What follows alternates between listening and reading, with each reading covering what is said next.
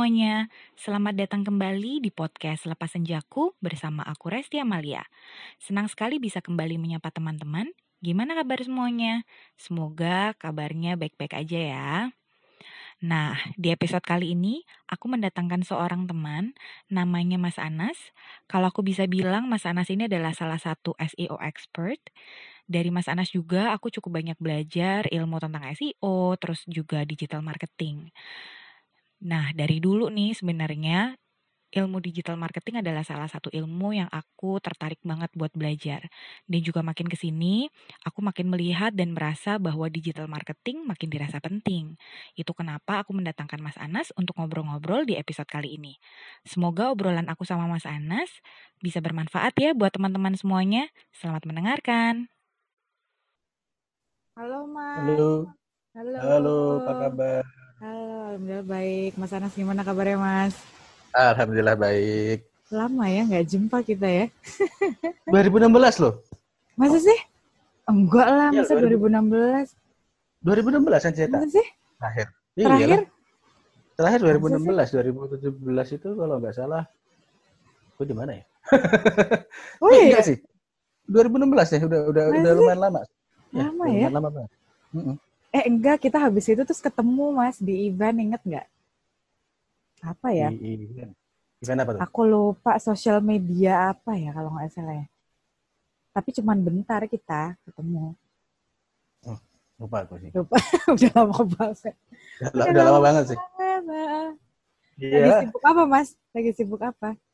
Ya masih tetap sama di dunia peragensian, dunia Mhm. per SEO-an gitu kan. Mhm. Terus makin lama semakin serius kan sebenarnya ini uh, dunia SEO di Indonesia. Ya, Hmm. akhirnya kita, saya aku sama teman-teman bareng-bareng bikin asosiasi Mhm. khusus untuk praktisi SEO di Indonesia. Namanya APSI, Asosiasi Praktisi SEO Indonesia. Hmm. Ya, itu itu Oh. untuk untuk untuk communities community-nya itulah yang aku kerjain bareng-bareng sama teman-teman gitu kan. Mhm. Ya hopefully bikin bisa bikin apa eh, industrinya lebih baik lah untuk dunia SEO itu jadi lebih baik gitu. Moga-moga aja. Mhm. Gitu kan nggak nggak nggak singkat ya untuk ngerjain kayak gitu. Mhm. Oh itu kegiatannya yang kayak kemarin Mas Anas cerita-cerita juga ya, maksudnya bikin kayak workshop, talk show gitu-gitu juga salah satu. Ya bikin bikin talk show, bikin apa Hmm. namanya eh, webinar Mhm. gitu. Terus ngundangin beberapa apa eh, orang-orang dari industri.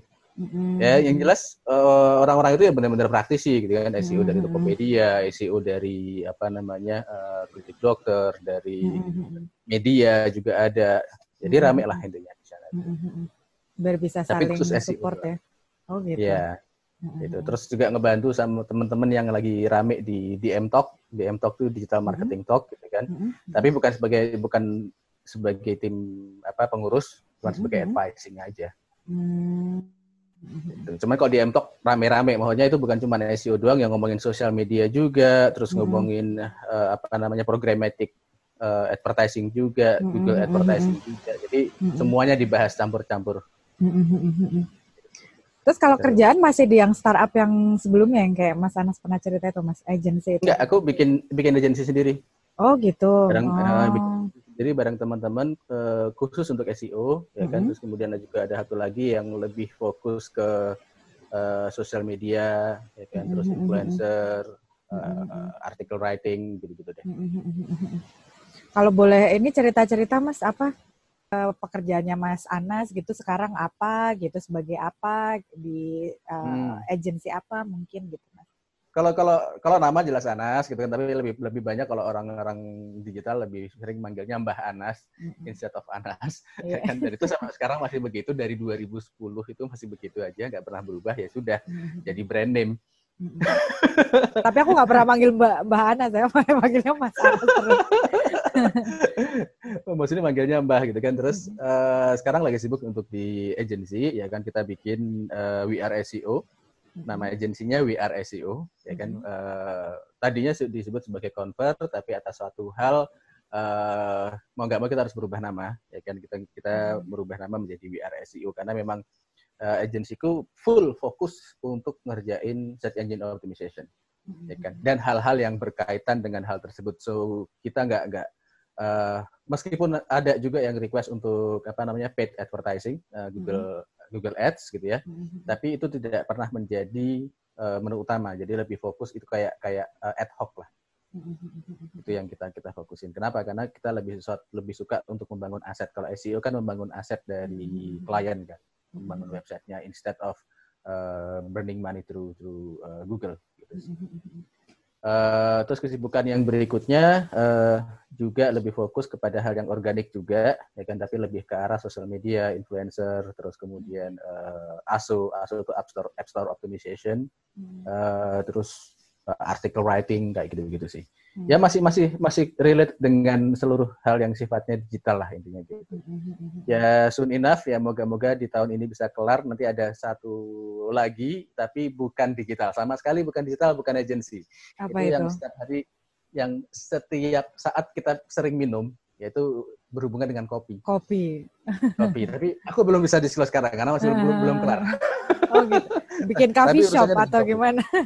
Enggak, kopi kopinya. Jadi kita harus uh, bin gitu ya harus mm-hmm. jadi bukan bukan bukan bukan kayak kopi kenangan kopi apa ya janji janji jiwa gitu itu enggak mm-hmm. benar-benar kopi utuh tinggal dipilih diseduh gitu lah ini bukan oh, bukan bukan yang udah siap saji bukan ya hopefully tahun ini itu bisa bisa kelar sih uh, karena partnerku juga bukan di Jakarta di Surabaya dengan kondisi COVID ini uh, dipanggil ke Surabaya juga deg-degan. Iya, iya. Uh, di dulu lah, di dulu lah. Surabaya Surabaya juga salah satu kota yang cukup itu kan apa uh, zona merahnya juga lumayan kan. Hmm, hmm, hmm, setelah setelah Jakarta kan Surabaya kalau nggak salah gitu kan. Malah kayaknya dia lebih banyak deh sekarang kayaknya Mas. Kalau dari segi jumlah yang terinfeksi mungkin lebih banyak Jakarta tetap cuma tapi kalau misalnya dari uh, apa namanya kesembuhan dan segala macam sih uh, kayaknya ya itu yang yang yang jadi yang jadi itu ya yang jadi parah. Ya mungkin juga dari tes apa namanya tes tes tes yang cukup lamanya itu loh. Kan kalau dari kemarin-kemarin kan sempat uh, untuk tes harus nunggu tujuh hari dulu dikirim ke pusat segala macam balik hmm. baru uh, oke okay, lu positif ya. Tujuh hari udah bubar hmm. orangnya. Ya kan kalau dipikir-pikir kan gitu kan. Orangnya udah mulai sakit dites kan terus baru dinyatakan positif atau enggaknya tujuh hari ya orangnya udah udah udah goodbye itu sih. Iya benar. Udah nyebar ya kan? Ya Oke lah, itu itu itu itu urusannya uh, Kemenkes lah. iya. Moga-moga cepat reda ya Mas ya. Ya, moga-moga vaksinnya cepat ketemu lah biar uh, uh, kita nggak aneh begini kondisinya. Iya, iya. Tapi selama pandemi ini ada ini nggak sih Mas dunia perdigitalan nih gimana nih cerita-cerita dong Mas? Maksudnya okay. ada impactnya gimana? Wah, impactnya ngeri banget. Banyak hmm. banget klien klien itu handbrake, bener-bener handbrake. Jadi hmm supposed to be udah deal di next week gitu kan, bener-bener mm-hmm. ngerem, bener-bener ngerem, ngerem, tertunda sampai ya berbulan-bulan berikutnya karena ini sekarang udah mulai new normal gitu ya. Mm-hmm. ya ya alhamdulillah udah mulai jalan sedikit mulai jalan lagi gitu. Udah mulai kembali normal. Meskipun meskipun nggak se, se, se agresif yang sebelumnya gitu kan. Tapi uh, pada kenyataannya juga nggak seagresif itu karena kita sendiri juga gerakan kita untuk bisa jualan juga nggak se seperti sebelum mm-hmm. terjadi apa namanya PSBB dan segala macam. Mm-hmm. Ya kan? Kalau dulu kan kita mungkin bisa bisa uh, let's say nongkrong di kafe ketemu siapa ketemu siapa mm-hmm. ya kan networking dan so on and so forth. Sekarang mau networking di mana di layar. ya kan kita yeah, kan yeah, itu kan, yeah. kan ada ada satu ada satu apa namanya ya bisnis proses yang keputus gara-gara PSBB ini kan ya kan? Kalau kita kita di apalagi dunia agensi ya dunia dunia advertising gitu biasanya kita uh, ada event apa ya kan? Tukeran kartu nama and then mm-hmm. cooperate atau mungkin kita itu langsung uh, menjadi klien things like that itu happen all the time. Maksudnya selama aku uh, 10 tahun di dunia peragensian mm-hmm. ya seperti itu gitu. kerjanya begitu ya? Memang begitu. Hmm. salah salah satu apa aktivitas kita kan begitu. Nah pada saat psbb dimulai itu kan tutup jebret. Mm-hmm. udah kita nggak bisa ngapa-ngapain. Mm-hmm benar nggak? Ya kita bisa ngapa-ngapain ya maksimal kita menggunakan segala semuanya yang berhubungan dengan dunia digital, mm-hmm. ya kan? Ya especially kalau sekarang ini mungkin di LinkedIn. Jadi makanya mm-hmm. LinkedIn itu salah satu sosial media supaya kita bisa uh, get in touch with with, with people gitu kan. Ya, tergantung gimana kita uh, apa meletakkan diri kita aja di LinkedIn itu seperti apa. Ini kalau Mas Anas masih WFH nih Mas? Masih WFH. WFH. Kita nggak kita mau WFO juga percuma. Iya. Sebenarnya ya. Kenapa? Karena kliennya klien pun juga nggak mau ditemuin gitu. Mm-hmm. Ya kan ya udah di rumah aja lah semuanya sekalian gitu ngapain ngapain juga tapi ya kadang kalau kita terlalu suntuk di rumah ya keluar juga gitu kan apalagi kalau untuk uh, koordinasi sama tim gitu ya kita tetap uh, ketemu di luar tapi uh, kita nggak nggak berada di ruangan tertutup sih jadi kita nyari kafe yang bisa kebuka segala macam karena kan ya. Jauh lebih lebih aman kalau di tempat yang terbuka daripada kita berada di satu ruangan yang tertutup soalnya itu sih Iya, jadi hari ini nih Mas, maksudnya uh, aku tuh ngundang-ngundang Mas Anas gitu kepengen ngobrolin tentang digital marketing. Sebenarnya udah sebelum kemarin ngobrol sama Mas Anas itu sebenarnya udah lama aku kepikiran juga nih kayaknya kepengen ngobrol-ngobrol sama Mas Anas buat konten podcast bahas tentang digital marketing. Eh pas nah. banget gitu kemarin Mas Anas sudah buka obrolan nemu, dulu. Nemu, dan nemu foto kan gua tuh. Oh gitu. itu kan nemu foto eh. Oh iya, ini foto waktu-waktu itu di di Kemang ya kalau nggak salah ya. Iya di Kenobi, di Kenobi. Uh, tadi ada ada pelatihan apa sih waktu itu kan uh, copywriting yeah. ya copywriting iya iya iya, iya. macam tuh lagi gila lama banget sih tahun 2000 berapa itu kalau ngeliat di fotonya 2016 deh aku yakin 2016 kan ada mas ada mas Febrian juga kan oh itu nemu di handphone gitu iya di handphone buka buka oh iya nah. seru nih iya iya jadi mungkin buat pendengar podcast ini kan mungkin nggak apa ya banyak juga ya mungkin ada lah teman-teman aku yang udah paham gitu tentang digital hmm, marketing, hmm. tapi mungkin ada yang belum terlalu paham seluk-beluk di dalamnya gitu, Mas. Kalau hmm. boleh cerita-cerita tuh kayak sebenarnya digital marketing tuh bentukannya tuh kayak gimana sih gitu. Ya, oke. Okay. Kalau uh, konsep di luar sana itu banyak banget yang yang nyasar-nyasar gitu kan. Orang berpikir bahwa digital marketing itu uh, seberapa banyak sih jumlah follower hmm. ya kan hmm. seberapa famous kita di dunia sosial media ya kan hmm. terus traffic kita berapa sebenarnya itu bukan itu bukan bukan pemahaman di, di digital marketing yang benar kenapa hmm. karena itu sebenarnya matrix kalau kita ngomongin berapa follower berapa traffic Uh, dan yang lain-lain seberapa uh, kuat engagement kita itu lebih ke ke, ke matrix dari digital marketing. Tapi kalau kita ngomong digital marketing secara secara konsep uh, sebenarnya sama dengan marketing, ya kan? Jadi base dari digital marketing itu ya marketing itu sendiri, mm-hmm. ya kan? Cuman dieksekusi melalui funnel-funnel digital, ya. Mm-hmm. Dia uh, apa namanya uh, media online, detik.com, kompas.com dan yang lain-lain gitu. Mm-hmm. Terus juga apa namanya paid advertising kayak Google Ads, uh, Facebook Ads, Instagram Ads, ya kan? Kemudian juga ada programmatic. Nah itu uh, eksekusinya di sana, tapi base-nya strat, uh, marketing strateginya itu seharusnya sama dengan uh, marketing konvensional. Hmm. So for example misalnya katakanlah gini kita kalau kita ngomong let's say FMCG gitu ya kita kita boleh nyebut produk kayak sini. Gak apa-apa, nggak apa-apa.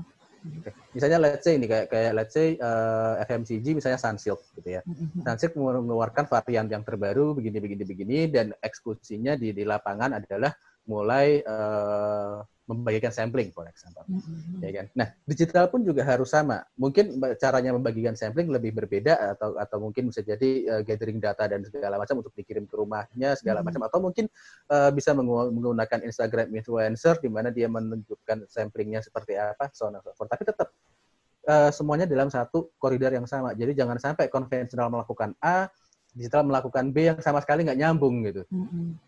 Nah itu kalau kayak gitu itu bukan bukan suatu strategi digital marketing yang yang yang benar karena mm-hmm. seharusnya digital marketing itu masih perpanjangan dari marketing strategi secara keseluruhan. Mm-hmm. Bukan bukan bukan sesuatu yang terpisah sendiri. Mm-hmm. Itu sih. Nah, sebenarnya kalau kayak digital marketing tuh dilakukannya hanya untuk usaha yang base-nya di digital atau bisa juga sebenarnya yang bentukannya nggak digital, Mas? Oke, okay, sebenarnya gini sih, digital, digital itu kita kita ngomong digital itu kan sebenarnya sebenarnya device ya, apa namanya mm -hmm. uh, media, medium, mm -hmm. ya kan, uh, handphone kita, terus kemudian uh, laptop kita dan segala macam itu kan sebenarnya medium. Uh, usaha apa pun sebenarnya bisa menggunakan digital marketing. Mm -hmm. Kenapa? Karena reach out-nya digital marketing ya uh, banyak banget, luas banget gitu kan. Mm-hmm. Nah, mungkin per perbedaannya adalah uh, kalau misalnya digital marketing itu untuk B2C seperti apa, untuk B2B seperti apa, mm-hmm. ya kan untuk produk digital seperti apa, untuk brick and mortar kayak gimana, itu itu itu pasti pasti uh, beda-beda, strateginya beda. Tapi apakah bisa? Bisa. Ya kan? Uh, for, for example gini ya, kalau kita ngomongin B2C, katakanlah untuk produk sesuatu ya, uh, Samsung meluncurkan suatu produk baru, ya kan menarik, dia sebarkan melalui sosial media, melalui uh, websitenya dia, melalui uh, mungkin iklan di media dan segala macam gitu kan. Orang tertarik untuk membeli ya kan? itu strategi-strategi digital untuk B2C ya kan. Nah bagaimana kalau B2B B2B pun sama juga. Kalau B2B katakanlah dia uh, service consultant gitu ya. Uh, service consultant untuk uh, katakanlah uh, pajak atau mungkin untuk untuk uh, eh, HR system atau ERP atau apa pun itu kan lebih ke B2B kan. Nah, itu meskipun bisa menggunakan uh, media digital tapi kita tidak bisa melihat itu sebagai konversinya secara langsung. Kenapa? Uh, beda dengan Samsung orang tertarik orang beli di Tokopedia, di uh, Bukalapak, di uh, Shopee dan segala macam. Itu itu mungkin terjadi kan. Tapi kan nggak mungkin kalau misalnya kita ngomongin uh, sesuatu yang sifatnya B2B. Dia langsung mencet tombol buy, masukin card, bayar pakai uh, bank transfer nggak mungkin juga. Pasti kan mm-hmm. harus ada uh, koordinasi terlebih dahulu. Nah, mm-hmm. di situ peran-peran peran aset itu penting. Jadi uh, dari websitenya informasinya lengkap dan segala macam.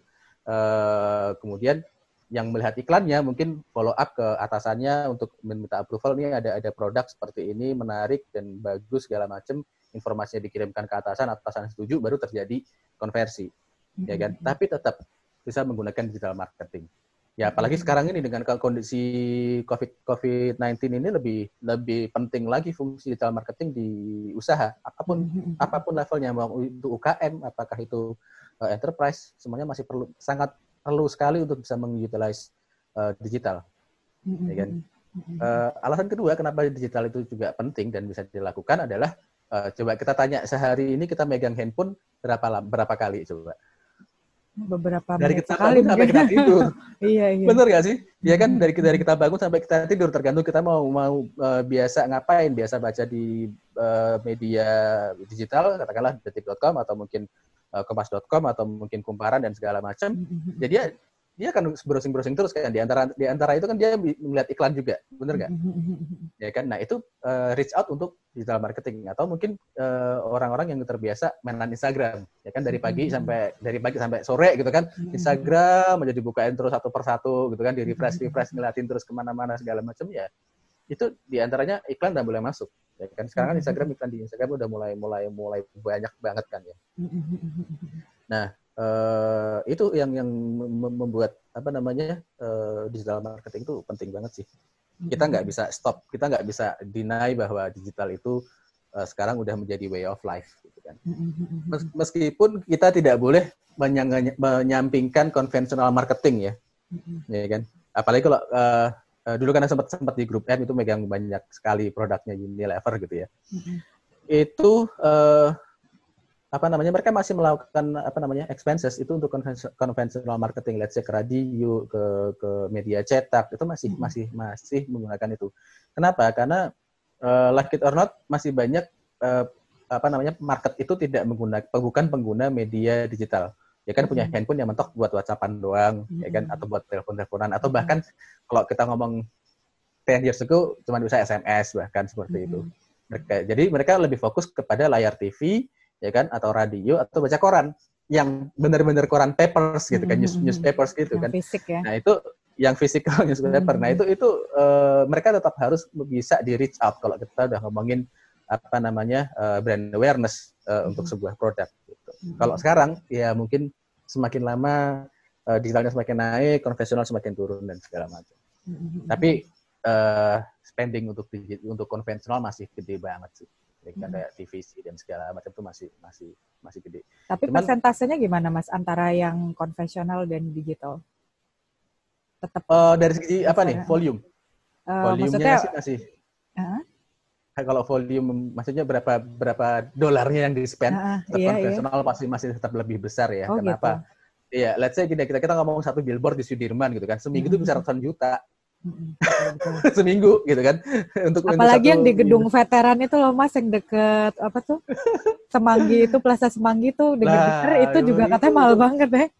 Iya bisa miliaran bahkan. nah, miliaran gitu kan. Terus, uh, apa namanya uh, buat buat itu buat itu baru itu ya. Terus kalau kita ngomongin TVC, TV komersial gitu kan ya, mm-hmm. apalagi di prime time di di waktu-waktu yang paling banyak penontonnya gitu ya, mm-hmm. itu pasti mahalnya luar biasa. Mm-hmm. Bahkan yang dulu tahun 2007 2008 itu pernah tahu uh, iklan jam 12 malam itu hmm. 5 menitnya 70 juta. Hmm, tahun berapa itu? 2007 2008. Oh ya. Oh ya. Iya. Itu iklan 5 menit itu 70 juta gitu. Kan pusing gitu. Nah, nggak bisa kebayang sekarang berapa itu kan kurs yeah. dolar sampai sekarang nilai mata uang dari sampai sekarang udah berapa udah hmm. nah, kalau iklan iya. yang nyisip di sinetron gimana tuh sekarang udah banyak sekarang sinetron sinetron kayak di, uh, apa uh, eh, FTV ya sebenarnya FTV iya iya itu gede, uh, gede ya itu gede loh itu mahal Padahal itu, itu hard banget ya mas ya Padahal hard selling banget tuh. Hard justru hard selling karena uh. itu mahal mendingan hard selling sekalian atau soft selling di. Sampai capek-capek ya. Sampai iya, udah bayar udah bayar ratusan juta gitu gak hard yeah. selling ya repot yeah. gitu kan. ya pasti yeah. pasti hard selling sih. Kalau kalau kita ngomongin digital hard selling tinggal orang.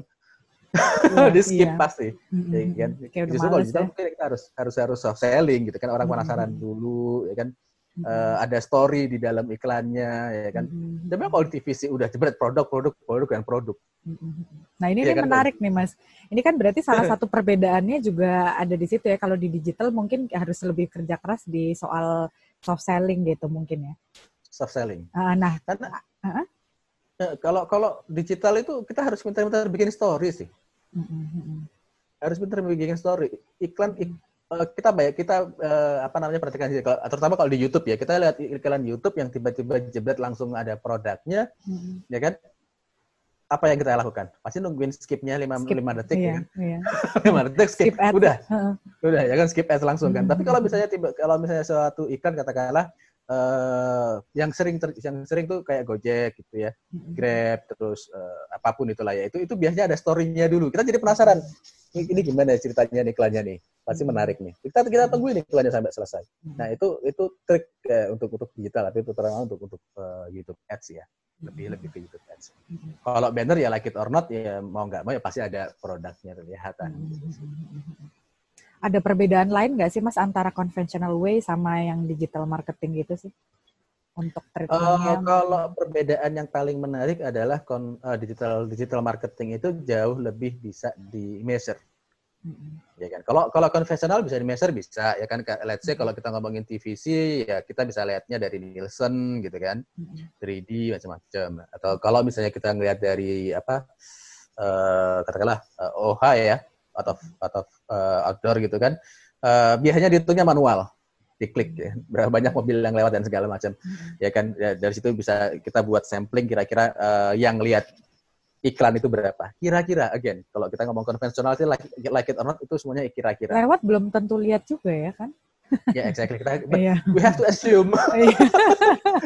we have to assume they see gitu kan. Kalau kalau enggak ya orang ya susah. Tapi uh, tapi uh, to be honest ada ada ada iklan-iklan konvensional yang yang cukup menarik itu pernah nggak ngelihat uh, iklannya Gojek hmm. yang dari atas sampai bawah tulisan semua dan iya, itu iya, diletakkan iya. di tempat paling macet? Iya iya. Atau mungkin di dunia atau gimana nggak ngerti. Pokoknya di Indonesia itu paling macet. Itu di uh, apa sih namanya? Dekatnya Bulog deh kalau nggak salah. Mm-hmm. itu jalan apa ya namanya maksudnya ya? Dia kantor Bulog itu Sudirman juga nggak sih mas kalau nggak salah malah bukan, bukan ya apa Tamrin bukan bukan bukan, uh, oh, bukan. bukan yang mengarah ke Bulog ke, ke gedung gedung Bulog mengarah oh. ke Cawang gitu loh oh, itu kan iya, kalau iya, sore iya. macetnya luar iya, biasa iya, kan iya, nah, iya. itu banyak ada yang uh, ada yang apa namanya foto segala macam tulisan hmm. dari atas sampai bawah sampai bawah hmm. tulisannya masih baca tulisan ini macet banget ya hmm. gojekin aja that's yeah. that's crazy smart sih iya, itu sih iya, iya, iya. dan jadi viral kan? banget gitu dan itu jadi, jadi viral, viral ya. dan menurutku itu iklan paling jenius kenapa jenius hmm. orang beneran berhenti ngeliat baca dulu itu apaan sih yeah. banyak taruh di atas kan orang jadi orang jadi orang jadi uh, itu kan kepo kan hmm. kepengen ngebaca kan ya mungkin mungkin kalau iklan-iklan yang uh, out of home itu biar nggak assuming orang ngelihat ya harus dibikin se segila itu sih untuk untuk untuk kreasinya gitu kan. Nah, tapi tetap uh, measurementnya uh, masih ber, masih banyak asumsinya. Ya kan kita nggak bisa menyatakan bahwa ini 100% accurate, but at least itu mewakili sekian persen dari orang yang lewat soalnya soal. Nah, kalau digital karena digital itu semuanya bisa di track ya kan kayak let's say kalau Google kalau kalau website bisa di track pakai Google Analytics ya kan kalau uh, sosial media itu juga ada insight-nya segala macam semuanya bisa di measure Jadi uh, dia spending, let's say dia spending 100 juta dari 100 juta uh, iklan yang dia spending itu dapat berapa sih traffic yang masuk ke website dia. Nah, dari traffic yang masuk di, ke dia yang pada akhirnya convert menjadi penjualan atau menjadi leads itu berapa? Itu semuanya bisa, masih bisa diukur funnelnya. Nah, itu perbedaan yang jauh dari uh, apa namanya digital dengan konvensional. Itu perbedaan yang paling paling mendasar ya selain uh, media yang kita lihat. Mm-hmm. Itu sih kalau Nah, kalau Uh, itu kan kalau kita ngomongin secara misalkan brand gitu ya mas, kalau brandnya hmm. itu kita gitu, secara personal, individu gitu, penting nggak sih kayak nah. kita tahu gitu tentang digital marketing? Oke, okay. yang paling yang paling menarik kalau pertanyaan pertanyaannya harusnya begini sih, kalau orang hmm. nama orang bisa nggak hmm. pakai banner, apa bisa pakai bisa nggak pakai billboard? Oh iya, jadi brand ya? Jadi personal branding. Tapi hmm. kalau kita ngelihat 2019 kemarin, kita hmm. ngelihat billboard segede-gede itu di Jakarta, itu siapa orang-orangnya? Ya, caleg-caleg toh. Mm-hmm. Ya kan si A dari partai ini, si B dari partai ini itu kan pasang iklan semua tuh di mm-hmm. di billboard. Ya, dan itu kan fungsinya sebenarnya personal branding. Mm-hmm. They are not brand. Dia, mereka bukan mereka bukan bukan company gitu kan. Itu kan perorangan, tapi mereka bisa ngebangun personal branding melalui billboard. Kan? Kalau nggak salah kemarin juga sempat viral ada orang yang yang yang apa namanya melamar seseorang pasang billboard kalau nggak salah di kuningan ada ada. Oh iya ada. iya iya. Iya oh. dia pasang billboard ya nggak tahu mungkin itu orang super tajir melintir tajir kan ya, ya tajir ya. Ya jelas lah berapa ratus juta tuh masang di situ mm-hmm. hanya untuk melamar uh, pacarnya. Mm-hmm. Rame kan dong itu pasti. Ya rame itu rame sih cuman ya mm-hmm. aneh aja. Hmm. Kalau kalau kalau kalau politisi melakukan itu ya menurutku lumrah gitu ya. ya tapi ya. kalau kalau ya kan kalau misalnya kita secara perorangan melakukan itu ya aneh ya ngapain juga gak masang banner kita di, di, di apa foto kita di billboard kan ini orang siapa sih? kan kalau di maksudnya secara digital marketingnya gitu mas? Nah, kalau secara digital marketingnya itu masih harus, ini bukan bukan masih ya, itu harus banget dilakukan apalagi yang uh, zaman sekarang gitu. Uh, cuma juga harus hati-hati karena jejak digital kan sadis. Netizen kan juga serem kalau ngomong, apalagi kalau kita udah cukup famous, kita salah ngomong atau salah bertindak, udah deh ke mana-mana. Ya kan? Ya atau mungkin bisa jadi ya kalau aku melihat ya banyak juga selebriti yang sengaja melakukan satu salah kesalahan-kesalahan atau ya di setting gitu kan. Supaya dia apa famous gitu. Mm-hmm. Tapi kalau kita sendiri sebagai sebagai praktisi-praktisi digital atau dan segala macam ya kita tetap harus menjaga uh, konten yang kita punya, aset-aset aset digital yang kita punya ya kan dari mm-hmm. Instagram, LinkedIn, mungkin bahkan Facebook ya kan itu kita Twitter gitu ya. Itu ya kita harus jaga uh, sesuai dengan kita itu siapa. Ya kan uh, meskipun sosial media itu sebenarnya perpanjangan dari kita ya kan tapi pada saat kita sudah masuk ke dalam dunia nyata itu bagian jadi bagian dari uh, apa namanya identity kita sebenarnya. Mm-hmm. ya kan? Mungkin mungkin kalau kalau kalau mbak Resti pernah ketemu uh, teman-teman lama gitu kan uh, biasanya di, di biasanya sih di Facebook gitu kan. Posting ngobrolin tentang ya entah politik lah entah uh, agama lah dan segala macam dan mereka sangat intens di sana. Mm-hmm. kalau kita nggak satu satu pemahaman dengan mereka ya kan maksimal yang kita lakukan apa? Minimal yang kita lakukan kita adalah kita lakukan uh, mute. Bener gak ya hmm Ya kan? Tapi kalau yang kita kalau kalau kita udah ganggu banget ya udah kita unfollow atau unfriend dan segala macam. Mm-hmm. Bener gak sih? Mm-hmm. Nah, itu fungsi dari personal branding kita bisa sampai ke arah sana. Jadi bagaimana kita membawa diri kita di situ ya itulah yang menjadi identiti kita nantinya. Bisa bisa ngebayangin nggak kalau misalnya tiba-tiba aku posting segala sesuatu yang sifatnya eh, katakanlah uh, politik gitu. Pasti bingung. Hmm. Ini Mas Anas tiba-tiba jadi politikus apa gimana gitu kan? Tiba-tiba ngomonginnya politik melulu gitu kan? Hmm. Itu itu nggak nggak nggak pas gitu. Pasti ya kalau misalnya aku posting sesuatu yang di di sosial mediaku gitu kan di akun sosial media, aku pasti nggak jauh-jauh berhubung berhubungan dengan digital marketing, berhubungan dengan event digital, hmm. atau ya aktivitas digital marketing itu sendiri yang ngomongin tentang SEO lah, ngomongin tentang uh, website lah segala macam. Pasti kan seperti itu ya itu pentingnya kita ngebangun uh, apa namanya personal branding personal di branding. dunia. Iya. Nah, itu mungkin sih. ya uh, tapi mungkin juga masih banyak orang di luar sana yang masih belum paham itu juga ya, Mas ya. Maksudnya kadang masih sekata-kata gitu, maksudnya di sosial media gitu. Asal Padahal sebenarnya gitu kan. Iya, iya. ya tuh biasa aku aku sendiri juga juga sering ngejeplak dan uh, dari salah satu satu-satunya sosial media yang aku nggak terlalu ngurusin itu adalah Twitter karena Twitter kayaknya jadi sekarang makin lama buat gue secara, secara pribadi ya mm-hmm. Twitter tuh jadi kayak tempat kita komplain yeah, call yeah. center siapa riuh banget ya riuh banget kan Iya, rame banget streamnya kan juga kenceng banget. Hmm. Meskipun sekarang udah semakin lama semakin difilter dengan kita bisa select apa namanya uh, interest kita ke mana segala macam. Uh, uh, uh, uh, Tapi yeah. Twitter ya begitulah terlalu kadang kalau terlalu serius ya serius banget, tapi kalau misalnya bercanda ya bercanda banget. Uh, mungkin mungkin uh, kalau kita ngomongin sosial media kalau untuk profesional ya bisa larinya ke LinkedIn ya kan mm-hmm. itu untuk untuk hal-hal yang sifatnya profesi mm-hmm. meskipun pada kenyataannya banyak juga yang kebalik gitu kan. Instagram jadi kayak Facebook, nggak tahu posting-postingnya apa aja gitu asal iya, asal iya. gitu iya, gitu. Iya. Ya kan terus ngomong-ngomong ada tuh kemarin uh, beberapa waktu yang lalu ada salah satu orang dia dia kena ter, ter, terdampak apa uh, kena impactnya COVID ya. COVID. Hmm. Maksudnya bukan bukan dia bukan dia kena infeksi bukan, maksudnya mm-hmm. perusahaannya me, me, me-layout dia, mm-hmm. me-layoff dia, dia juga bapaknya juga di layoff Hmm. Jadi anak bapak itu dua-duanya kehilangan kerjaan hmm. di saat yang sama sekaligus, hmm. ya kan. Terus dia nanya, gitu, e, ada lowongan nggak di perusahaan? Tapi hmm. dia bukan background advertising sama sekali ya. Aku hmm. gimana ngomong ada apa enggak ya nggak mungkin lah ngomong-ngomong ada, ya kan. Aku kasih tahu, Mas ini kalau bisa apa namanya e, satu jangan pernah mencari pekerjaan dengan saya mau kerja apa aja, apalagi di LinkedIn ya rekruter juga bingung kamu mau kerja hmm. apa aja terus kita aku aku taruh kamu di mana hmm. ya kan ya masnya kalau punya misalnya punya spesialisasi di sini ya bilang saya perlu uh, saya uh, nyari kerja untuk spesialisasi ini hmm. itu kan jauh lebih lebih terhormat dan itu jauh lebih mudah buat hmm. rekruter untuk membantu dia let's say ada rekruter yang tergerak gitu kan hmm. yang kedua juga uh, masnya juga harus tahu di LinkedIn itu bukan kayak Facebook saya ngecek kan aku ngecek ngecek hmm. juga itu uh, dia punya LinkedIn itu kayak gimana ya hmm. postingannya ya bercandaan-bercandaan yang ada di Instagram ceplokin ke LinkedIn bingung kan hmm.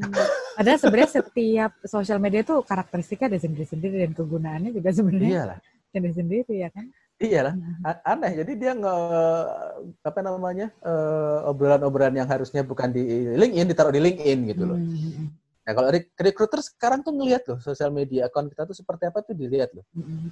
Ya kan, jadi misalnya orang udah di itu dia screening sosial medianya gimana nih, aktifnya dia ngapain, apakah dia terlalu strong in politics, ya kan? Itu bisa orang bisa steer clear, HR bisa steer clear. Kenapa? Yeah. Takutnya nanti dia ramenya di situ di politik karena obrolan tentang politik di mana pun pasti pasti rame, ya kan?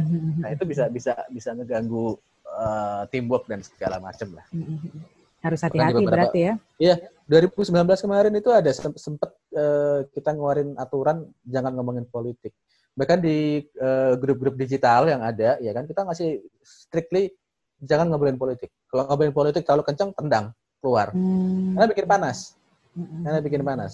Sementara grup-grup untuk digital kayak uh, kayak di apa uh, di APSI, di DM Talk itu kan kita lagi belajar digital bukan belajar berpolitik. Kalau belajar politik luar sana lah, nyari yang tempat lain. Nah, tempatnya beda ya. iya. Nah. Ya, itu nah. dia sih. Makanya, makanya kita harus tahu karakter dari setiap sosial media itu gimana dan kita harus act based on it gitu. Itu wajib sih kalau buat buat, buat kita. Nah di saat-saat kayak gini tuh kan ya mas banyak orang yang mungkin kayak ya itu di layoff dari kerjaannya atau misal terpaksa cari tambahan lain terus kan banyak yang kayak hmm. bikin tiba-tiba bikin usaha digital gitu ya mas hmm. ya online shop lah atau apa gitu ada nggak sih mas kayak hmm. tips-tips kayak gitu karena kayak di sekitar aku juga banyak sih yang kayak temen-temen yang gimana ya maksudnya kayak biar apa ya biar usahanya tuh bisa bisa jalan dulu gitu ngebangunnya tuh ada tips-tipsnya nggak sih mas? Oke, kalau kita ngomongin apa kayak apalagi kalau kita baru ya uh, usaha yang baru ya mungkin aku bisa bilang itu UMKM gitu ya jelas lah eh, dia dia nyari penjabatan tambahan bukan bikin enterprise toh. Hmm, iya iya iya. Kan nggak mungkin kalau perusahaan gue usaha gede namanya bukan pendapatan tambahan tuh hmm, itu lebih complicated ya kalau itu ya. itu lebih complicated. Tapi kalau misalnya aja kayak kayak UMKM gitu kan uh, teman-temanku juga banyak. Pertama uh, karena dengan digital itu kan sebenarnya perpanjangan dari kita. Nah itu dia. Pentingnya digital tuh di situ. Kalau kita nggak bisa ngejaga aktivitas digital kita kita nggak punya good relationship dengan teman-teman pada saat kita punya suatu produk baru kita launch ya orang nggak nggak mau peduli ya kan katakanlah nih ada orang yang biasa ngomong keras mengenai politik, ya kan menghujat si A, menghujat si B, menghujat si C. Terus dia jualan paling 50 persen 50-50 kan. Kalau misalnya teman-temannya adalah orang-orang yang uh, setuju dengan omong-omongan dia, omongan dia, mungkin dia akan simpati, dia belikan produknya. Bagaimana kalau hmm. teman-temannya sebenarnya malah nggak setuju dengan cara dia apa uh, posting sesuatu di sosial media, ya kan? Itu akan backfire. Karena apa? Karena kalau sosial media, kalau kita ngomongin uh, gimana sih kita meningkatkan apa namanya uh, membentuk jualan kita bagus gitu ya di dunia digital, yang paling mudah dan paling cepat adalah kita mengutilize sosial media ya kan. Hmm. Nah, track record kita tuh penting pas di situ. Hmm. Kita apakah kita engage dengan orang, apakah kita uh, kalau komen juga komen yang bagus, bukan komen hmm. yang negatif, ya kan? Itu nantinya akan impact juga pada dengan eh, produk-produk yang kita akan kita jual. Gitu. Dan uh, pertama yang jelas kita harus mulai dulu, ya kan? Kalau kita mau mau bikin usaha kita harus mulai dulu. Cuman perbedaannya adalah kita gunakan media sosial atau kita gunakan media digital itu sebagai uh, marketing tools kita. Gitu kan. Jadi kalau misalnya website ya kita harus punya website ya kan? Meskipun jangan langsung berharap oh aku bikin website aku, aku harus bisa mengalahkan Tokopedia yaitu ngos-ngosan. Iya kan? Kenapa yeah. aku bisa bilang ngos-ngosan?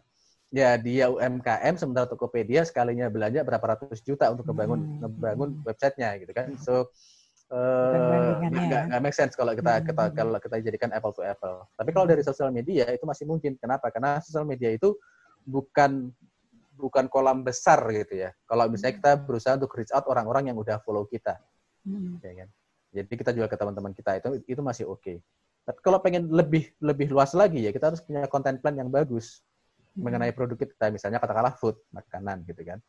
Ya kita harus punya punya apa namanya? Uh, let's say kalau dari makanan foto, di foto menarik, fotonya menarik gitu kan di foto diposting segala macam ya kan mungkin bisa bisa minta teman-teman eh tolong dong di review gimana kalau yang udah belanja uh, tolong ya reviewnya di, di di apa di foto yang ini gitu kan nah, itu hmm. itu menarik kalau sekarang uh, banyak banyak yang salah salah salah gerak juga gitu kan dia produknya makanan hmm. uh, ini teman-temanku juga sih dia produknya makanan banyak yang suka ya kan hmm. tapi postingnya bukan di foto taruh di instastory hmm. terus di apa namanya di, di dimasukin ke story-nya dia. Hmm. Story kan 24 jam hilang. Hmm ya kan nah bayangin kalau misalnya mereka udah udah nyobain terus nah, di foto yang taruh udah beli itu ya. suruh uh, taruh apa namanya suruh suruh suruh komen lah di situ ya, itu rame hmm. kalau kita banyak kalau foto kita banyak yang like banyak yang komen itu kan ada kemungkinan untuk muncul ke timeline kan hmm. nah kalau udah muncul ke timeline ya itu baru viralitinya dimulai hmm. mulainya sih dari situ sih menurut hmm. Yeah. Tipsnya seperti itu. Start small, scale up, gitu sih gitulah. Mm-hmm. Startnya dari situ dulu ya, nanti dari hmm. situ pelan-pelan ke reach yang Naik. lainnya. Iya, betul. Nah, kali ini nih aku juga tertarik banget kan aku belajar SEO juga banyak dari Mas Anas ya salah satunya ya Mas ya. Mm-hmm. Nah boleh nggak sih cerita-cerita tentang SEO mungkin kayak teman-teman uh, ada yang kepengen tahu gitu SEO apa sih gitu apa perannya juga di digital marketing tuh seperti apa gitu. Oke, kalau kita ngomongin SEO, SEO itu apa? SEO kan kalau di uh, search engine optimization, mm -hmm. basically bagaimana caranya website kita, yang jelas ini untuk untuk yang punya website ya, mm -hmm. uh, bagaimana caranya membuat website kita itu ketemu di halaman pertama, ya syukur-syukur mm -hmm. bisa top rank, mm -hmm. ya kan, uh, untuk kata kunci yang dicari sama user, mm -hmm. sama pengguna search engine, gitu kan. Mm -hmm. Nah, uh, yang harus dilakukan apa ya? Yang dilakukan pertama harus ngebangun aset dengan baik. Ya kan di dalam hmm. SEO itu ada on page optimization, ada off page optimization. Jadi dua-duanya harus kita lakukan. Off on page itu dengan kata konten kita harus bagus. Ya kan nggak sembarangan, nggak cuma image doang yang ada di situ, ada kata-katanya juga dan segala macam bisa di crawl dengan Google dengan baik, ya kan. Itu uh, kalau kita mengerjakan itu dengan benar, ya kita bisa di halaman pertama Google.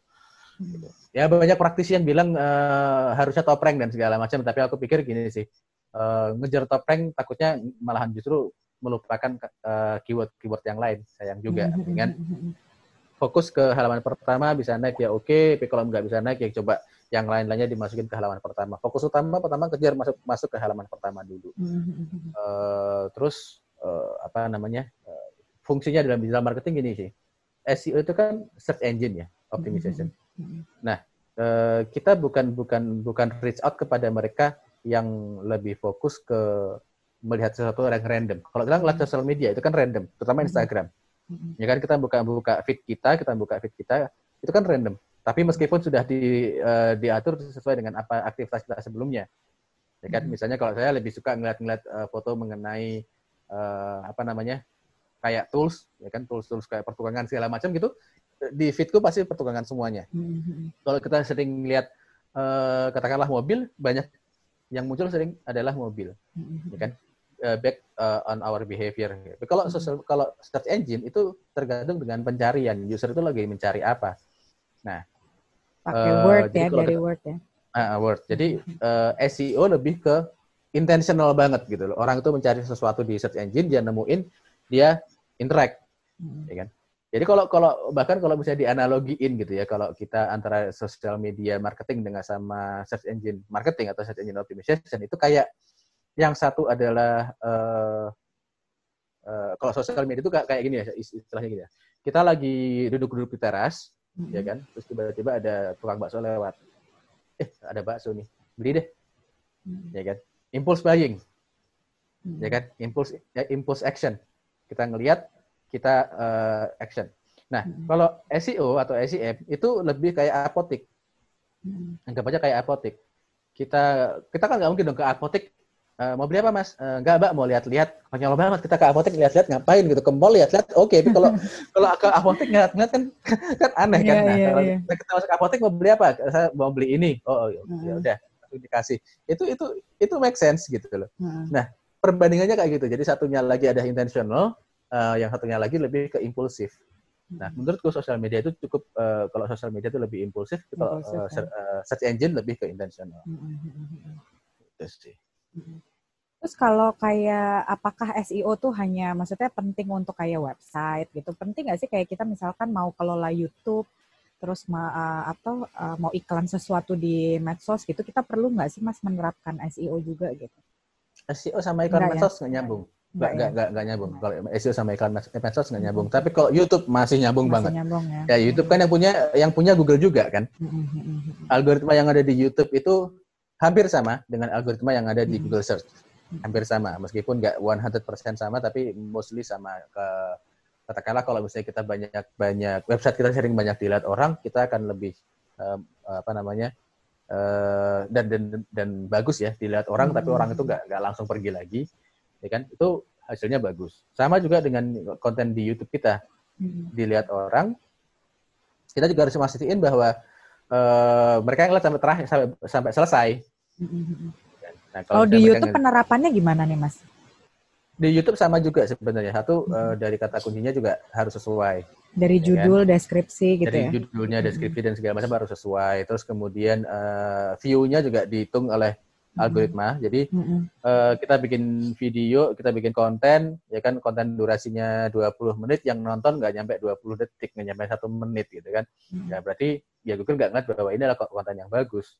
Hmm ya simpel kan. Uh, Sebenarnya uh, algoritmanya itu cukup cukup manusiawi sih kalau aku bilang ya. Kalau kita punya konten dan konten itu nggak di nggak di nggak disukain sama orang, sama Google jelas nggak taruh di halaman depan kan. Mm-hmm. Kalau ada orang nyari ya nggak akan ditaruh di situ. Kalau orang nggak ada yang nonton, mm-hmm. ya kan? Itu simple simpelnya mikirnya seperti itu. Jadi kalau misalnya kita pengen pengen uh, konten kita bagus ya pastiin aja teman-teman itu nonton sampai selesai. Ya kan? Eh, kita bisa eh, engineer-nya begitu social engineering-nya begitu. Ya kan? Teman-teman itu atau todongin satu atau eh nonton sampai selesai ya eh nonton sampai selesai ya dan nggak boleh di fast forward juga. Karena percentage uh, view itu jadi salah satu metrik juga. Kalau di YouTube berarti kayak Mas Anas nih pekerjaannya juga kan banyak berhubungan sama penulis gitu ya Mas ya Oh, setiap hari. Sekarang setiap hari ya. setiap hari, setiap hari itu itu itu wajib kudu mesti harus itu sih. Nah, berarti so far kerjanya gimana nih Mas? Maksudnya uh, apa ya? Supply artikel berarti ya untuk website yang lain? Ya, yeah, supply artikel hmm. buat si websitenya juga hmm. ada kadang translation, hmm. uh, terutama untuk untuk produk-produk dari luar yang pengen masuk ke Indonesia ya kita ngebantu kita bantu translationnya, terus uh, urus analitiknya juga ya sepaket ya Mas? Ya? Iya semua, hmm, semuanya. Kalau kita udah ngomongin uh, website, kita ngurusinnya semuanya. Tracking Mm-hmm. segala macam, Mm-mm. uh, visitor behavior juga kita track. Mm-mm. ya kan jadi dia ke mana aja itu kita track gitu kan setiap kali ada user yang datang artikel pun kita kita ikut hitungin juga measurementnya ya kan Eh, 500 kata itu dibaca sampai sampai bawah apa enggak kalau Mm-mm. cuman baru setengah di, dia nutup nutup tabnya berarti this article doesn't work gitu kan Mm-mm.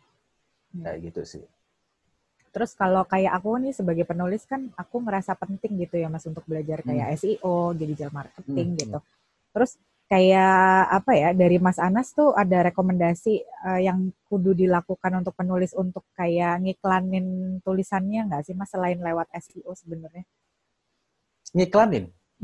Misal Ik- apa ya? itu berarti pasang iklan Lebih gitu ke enggak sih, bukan kayak lebih ke apa ya? mempromosikan maksudnya Iya, heeh. Maksudnya kalau Kalau kayak aku nih eh, menerapkan SEO kan karena apa ya? Karena eh, kepengen tulisannya dibaca gitu. Ada lagi nggak sih yang lain Hmm. mas mungkin gitu yang bisa dilakukan yang ada kaitannya sama digital marketing?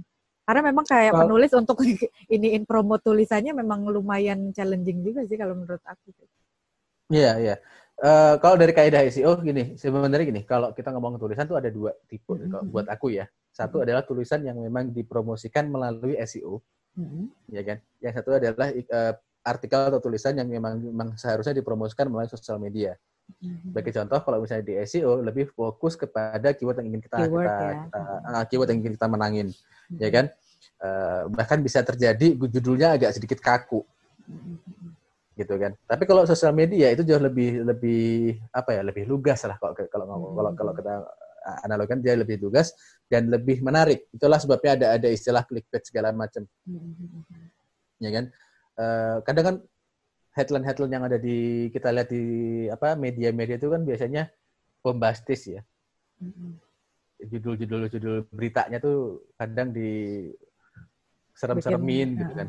Ya kayak kemarin tuh tiba-tiba eh, aku baca salah satu media, nggak tahu medianya apa, aku udah lupa lagi. Eh, satu kelas eh, anak anak SD satu kelas terinfeksi COVID-19.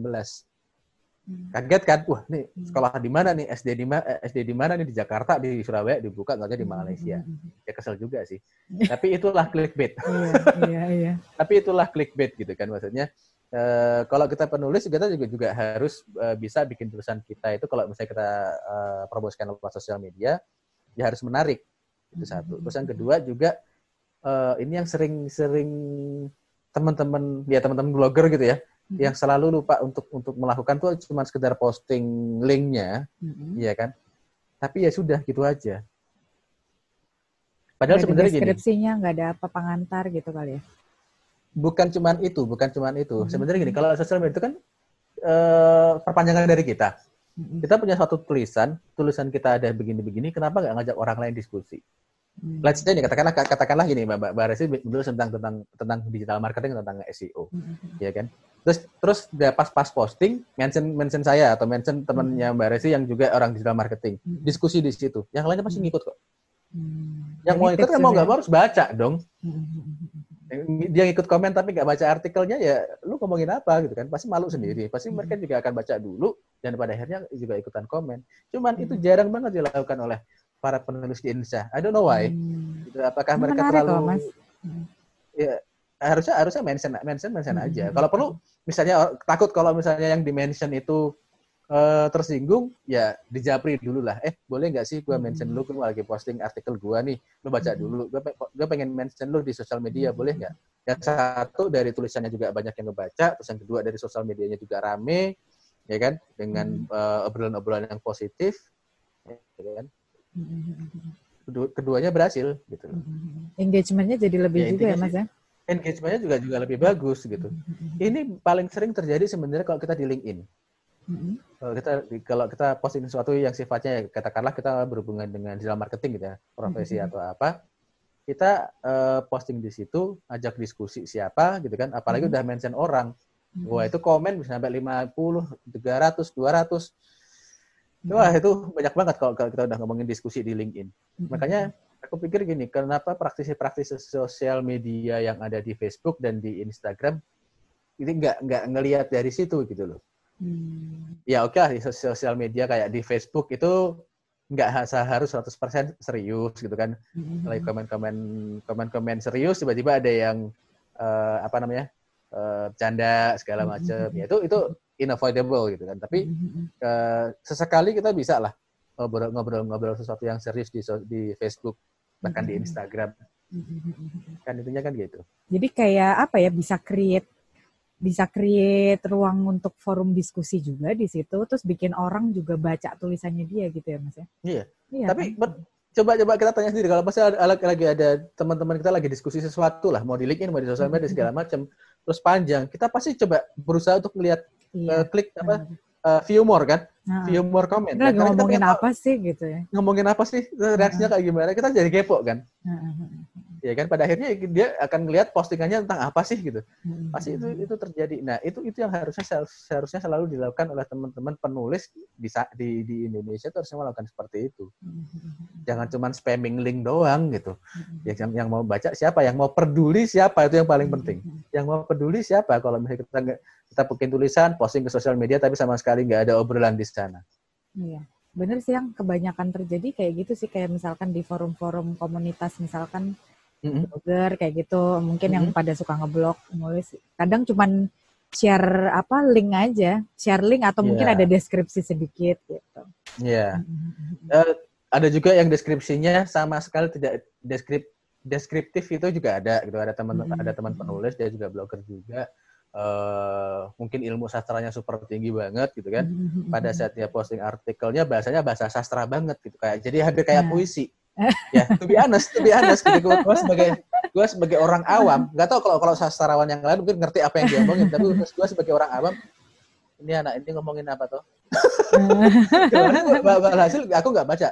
Jadi iya. di di uh, saat yang lain dia posting sesuatu yang yang bahasanya simple deskripsinya simple nggak kelihatan puitis gitu nggak uh, dia cuma membicarakan mengenai uh, apa ya waktu artikelnya? Berhubungan uh, sosial sosial sosial apa namanya sosial work lah uh, ada orang-orang yang social work ini gini gini gini melakukan satu perubahan kepada anak-anak. Ya gue baca artikelnya dari atas sampai sampai sampai terakhir.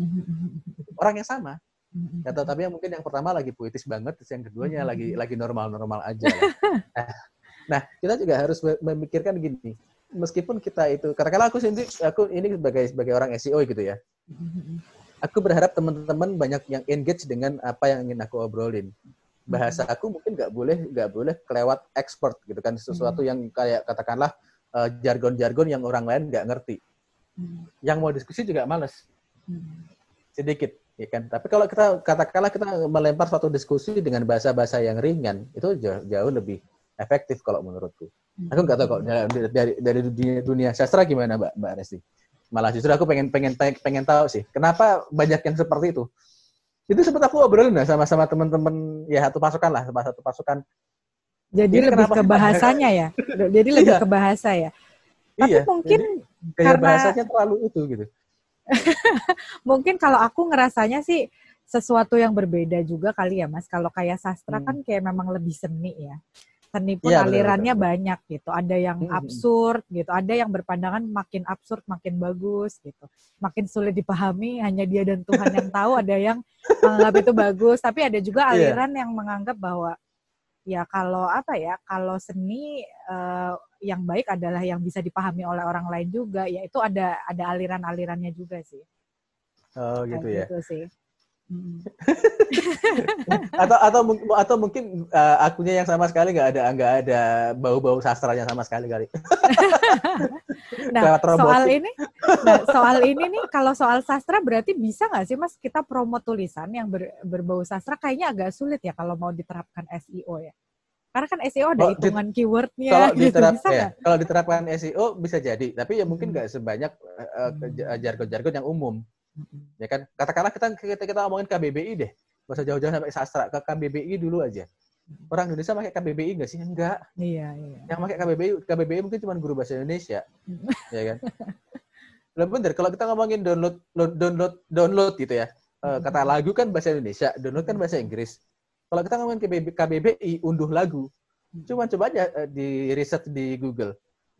Berapa banyak sih yang nyari di Google unduh lagu? Hampir gak ada yang nyari apa download lagi karena apa itu uh, bahasa sehari-hari ya mirip-mirip kayak gitu dengan sastra pun juga sama kalau kita keyword kita full sastra gitu yang nyari siapa ya orang-orang sastra yang mungkin emang butuh informasi ya. mengenai hal tersebut gitu kan. Segmented dan niche pasti ya. Segmented, jadinya Hmm. semakin semakin segmented ya trafficnya nggak sebesar itu. Sama juga di sosial media pun kita melemparkan sesuatu yang sifatnya sastra, mungkin ada yang eh, komen, mungkin ada yang engage, tapi ya mereka yang benar-benar mengerti hal tersebut. Orang awam lainnya ya cuma bisa melongo. Hmm. Daripada gue ikut nimbrung malu, biar gue diem deh. nah intinya kan gitu kan. Daripada ini kita juga- nimbrung Iya. Nah ini juga apa yang terjadi dulu aku eh, ketika masih di editorial di Sarap yang dulu ya Mas ya. Maksudnya ketika Hmm. kita bikin artikel, kadang-kadang dilematis juga. Mau idealis sekali, agak apa ya, kadang ketika dihadapkan dengan, oh oke kita harus begini. Misalkan Mhm. soal keyword aja. Kadang-kadang Iya. ada keyword yang kata-katanya sebenarnya nggak apa ya secara KBBI sebenarnya salah misalkan tapi tuh Eh. yang search banyak banget gitu jadi kan kadang kita suka ada pertimbangan juga ya gimana ya padahal yang ini nggak baku gitu padahal kita sebenarnya juga kepengen ngajarin pembaca untuk educate juga gitu tapi sudah juga ya mas ya kalau dari sisi apa dari segi, segi marketing tuh gimana tuh mas kalau marketing pasti lebih ke angka ya atau gimana nih? Lebih ke angka tapi sebenarnya gini sih eh, kita kita berusaha untuk memaksakan suatu bahasa yang orang lain nggak ngerti ya kan? Sebesar sebenar ap- sebenar apa pun alasan kita ya kan? Itu nantinya nggak akan nggak akan nyambung ya kan? Eh, for example kayak gini, kayak gini deh Eh, kita ngomong eh, galat. Galat tuh kalau nggak salah device ya? Mm-mm. No, Iya kan? banyak yang nggak tahu nggak, nggak- aku aja masih aku agak gawai agak- gawai. Gawai. Gawai. Kalau galat tuh kalau salah merek kalau nggak salah. Ya itu itu itu aja aku masih kebalik kebalik gitu loh. Tapi itu adalah bahasa eh, eh, KBBI gitu loh. Ya kan? Ya, kita kan nggak bisa nggak bisa memaksa orang untuk untuk eh, ngikutin sesuatu. Ya kan? Tapi kita seharusnya melihat orang itu eh, kebiasaannya seperti apa. Gitu. Eh, kita nggak bisa nggak bisa memaksa memaksa itu sih apalagi kalau misalnya pemaksaan itu tidak di, disertai dengan hukuman. Oh, kalau lu ngomong eh, device dihukum denda lo seratus ribu. Nah kalau kayak gitu bisa berhasil tuh. Tapi kan nggak Iya, mungkin kan? iya. tapi kan nggak mungkin kita kayak gitu. Kita ngomongin eh, kalau kalau ngomongnya nggak sesuai dengan bahasa eh, yang KBBI lu kena denda ya nggak akan ada yang mau. Begitu. Pasti pasti banyak yang protes gitu. Nah to be honest, aku juga bingung sebenarnya KBBI dengan jargon-jargon yang aneh seperti itu di- diberlakukan untuk untuk tujuan apa gitu Hmm. Ya untuk lebih ke itu sih. Kayaknya lebih apa ya memperkenalkan bahasa Indonesia gitu. Jadi kayak sekarang kayaknya media-media yang lumayan concern itu sering pakai itu biar orang-orang maksudnya ya apa ya terbiasa juga gitu. Kayaknya sih Yeah. gitu. is it working is it working on daily Mungkin daily basis kalau apa ya? Belum ya mungkin lam- belum ya, belum ya, belum belum. atau atau mungkin kalau misalnya iya juga se- se- Masih se- lambat kali ya pergerakannya ya. selama nggak dipaksa itu nggak akan Iya. berhasil Cuman Iya. kalau Kita- untuk orang-orang yang aware, misalnya di sekitar aku kan banyak orang-orang yang aware dengan bahasa gitu ya. KBBI Itu gitu ya. cukup cukup di itu sih, maksudnya cukup di take note gitu. Oh ini kata Hmm. baru gitu. Cuman mungkin kalau untuk orang awam mereka mungkin kayak peduli nggak peduli gitu maksudnya, iya kan? bahkan buat mereka yang memperhatikan untuk eh, penggunaan sehari-hari pun agak-agak ngaco Iya, ya kan? Ya mungkin telepon genggamku di mana? Iya. aneh kan? Let's Iya, say gitu iya. kan? Pasti kalau kita, kita lagi di rumah HP ku di mana ya? Pasti kan gitu dong. Dan Iya kan? area-areanya SEO ya memakai yang orang lain pakai berarti ya Mas ya. iya lebih ke arah sana. Jadi kita nggak bisa memaksakan sesuatu yang sifatnya eh, orang lain tidak mengerti dan tidak tidak mencari gitu Kalau menanggapi soal clickbait gimana Mas? Sebenarnya pertanyaan Nah. ini cukup banyak ditanyain sih, tapi kepengen nanya aja. Eh, klik clickbait kalau clickbait menurutku normal sih ya kan dan clickbait itu always work ya kan cuman eh, always work ya aku bilang always work tapi eh, mungkin sebagai sebagai jurnalis gitu ya harus harus bisa menyesuaikan clickbait dengan isi jangan sampai clickbaitnya terlalu eh, bombastis gitu kan tapi isinya ternyata beda kayak kemarin pada waktu eh, siapa eh, Pak Setia Novanto itu kan nah itu sempat ada berita Setnov ditemukan meninggal di Sungai Ciliwung. Wah, kaget. Ternyata Kan kaget kan itu yang baca kan. Enggak tahu itu bukan di bukan bukan yang sedang di dalam pikiran kita gitu. Iya, iya. Nah, itu itu uh, clickbait yang tidak tidak oke okay kalau menurutku gitu kan. Hmm. Karena misleading karena dan seorang jurnalis apalagi orang itu pers gitu ya harusnya dia kan memberikan informasi yang benar bukan informasi hmm. yang misleading. Hmm. Ya kan? Ya tapi nggak tahu lah. Ujung-ujungnya karena ujungnya larinya ke traffic sih. Yeah. Meskipun ada beberapa media yang sangat menjunjung tinggi uh, etika jurnalis juga itu juga ada bukan bukan KBPI ya tapi etika hmm. jurnalisnya di, dijunjung tinggi itu juga ada dulu tahun 2013 sempat jadi advisor buat uh, metotvnews.com hmm. ya kan itu jurnalisnya wah idealis banget hmm. jujur aku sendiri yang ngajarin untuk SEO ngos-ngosan hmm. dibantah terus kotor terus oh nggak bisa gitu itu nggak nggak bagus itu buat buat jurnalisme nggak bagus harusnya begini mas wah repot juga ini nah, tapi iya. kita nggak bisa nggak uh -huh. bisa nggak bisa ngelawan gitu iya uh, let's say kayak katakanlah kalau di Google itu kan ada yang namanya negatif keyword ya negatif mm -hmm. keyword atau blacklisted keyword mm -hmm. let's say uh, kata sorry ada kata bugil ya kan mm-hmm. Google tuh nggak nggak nggak suka dengan dengan mm-hmm. kata-kata itu dan biasanya nggak nggak akan dimunculkan mm-hmm. bahkan kalau di AdSense bisa bisa bisa terjadi akun AdSense kita diblokir oleh Google ya kan karena mention kata yang berhubungan dengan pornografi ya kan itu aku sempat sampaikan kepada beliau-beliau eh, para jurnalis di itu wah nggak seru mas justru yang kayak gitu banyak dibaca orang banyak diklik orang iya mancing pem, mancing pembicara mancing, mancing mancing orang untuk ngeklik kan tapi kalau dari kaidah SEO itu hmm. mematikan gitu kan. Hmm. Aku bilang ya udah kalau gitu jangan menggunakan kata tersebut pakai aja kata tanpa busana gitu. Wah gak seru mas. Orang juga. Tapi so far mengencounternya gimana mas? Maksudnya kadang nih aku aku pun maksudnya mengalami ya dulu ketika misalkan hmm. di kerjaan kepengen bikin konten yang ya sesuai apa ya ya mungkin kayak tadi Mas Anas uh, terjadi gitu hmm. gitu waktu sama Metro TV gitu. Misalnya kita kepengen bikinnya uh, apa ya pakemnya kayak gini, kepengen idealis. Tapi kan pelan-pelan kayak aku tuh dulu di editorial jujur honestly pelan-pelan terkikis juga gitu karena karena ketika dihadapkan dengan aku, aku juga dong berarti yang Kenapa? Aku juga dong yang berarti yang ngasih ngasih pengaruh negatif. Enggak maksudnya kak ya bu, bukan pengaruh negatif ya, tapi mau nggak mau kita untuk bisa jalan bareng-bareng, mau nggak mau ada penyesuaian itu gitu kan. Oh, hmm. ya harus disesuaikan seperti ini gitu hmm. kan. Maksudnya ya demi kita sama-sama apa ya? Tetap berjalan gitu kan Mas. Nah, kalau Mas hmm. Ana so far gimana Mas untuk apa ya memanage itu gitu kan pasti sering kalau misalkan medianya apa ya terlalu idealis kayak gitu kayak gitu gimana tuh? Ya ada ya sempat ketemu dengan media yang super idealis bahkan dalam seluruh kontennya itu harus KBBI dan segala macam. Uh, pada waktu ketemu pertama aku cuma bilang ini akan susah banget untuk bisa dapat traffic ya kan. Hmm. But, uh, mereka tetap mempertahankan idealismenya ya monggo tapi ya ya walhasil begitu beneran mereka akan hmm. mereka susah susah banget untuk mendapatkan traffic secara organik melalui SEO. Hmm. Terus uh, seharusnya bisa ada jem, ada jembatannya ya antara antara SEO ya kan uh, kaidah penerusan untuk digital marketing sama uh, jurnalisme sendiri seharusnya udah harusnya udah mulai mulai bisa kerja bareng lah ya kan? Hmm. kerjasama bareng seperti apa sih yang seharusnya dilakukan? Ya mungkin mungkin asosiasi jurnalis sama asosiasi uh, eh, SEO harus ketemu lah ya untuk harus ketemu untuk untuk ngobrol harusnya seperti harusnya seperti apa. Karena apa? Uh, kaidah-kaidah jurnalisme itu kadang kadang tidak bisa menyesuaikan dengan kehidupan sehari-hari masyarakat. Ya kan? Kayak jargon-jargon tadi lah ya kita ngomongin jargon uh, device kita ngomongin smartphone kita ngomongin uh, download upload gitu kan. Itu kan kalau kalau dari jurnalisme nggak boleh karena seharusnya unduh unggah hmm. ya kan? Hmm. uh, gawai dan segala macam gitu kan. Ya itu kan udah udah clashing tuh. Hmm. nah, harus ada jalan tengah. Jurnalismenya jurnalisme apakah mau tetap kaku dengan uh, acuannya? Ya silahkan ya kan? Tapi jangan berusaha untuk jangan berharap masyarakat itu langsung mau berubah ngikutin kaidah tersebut.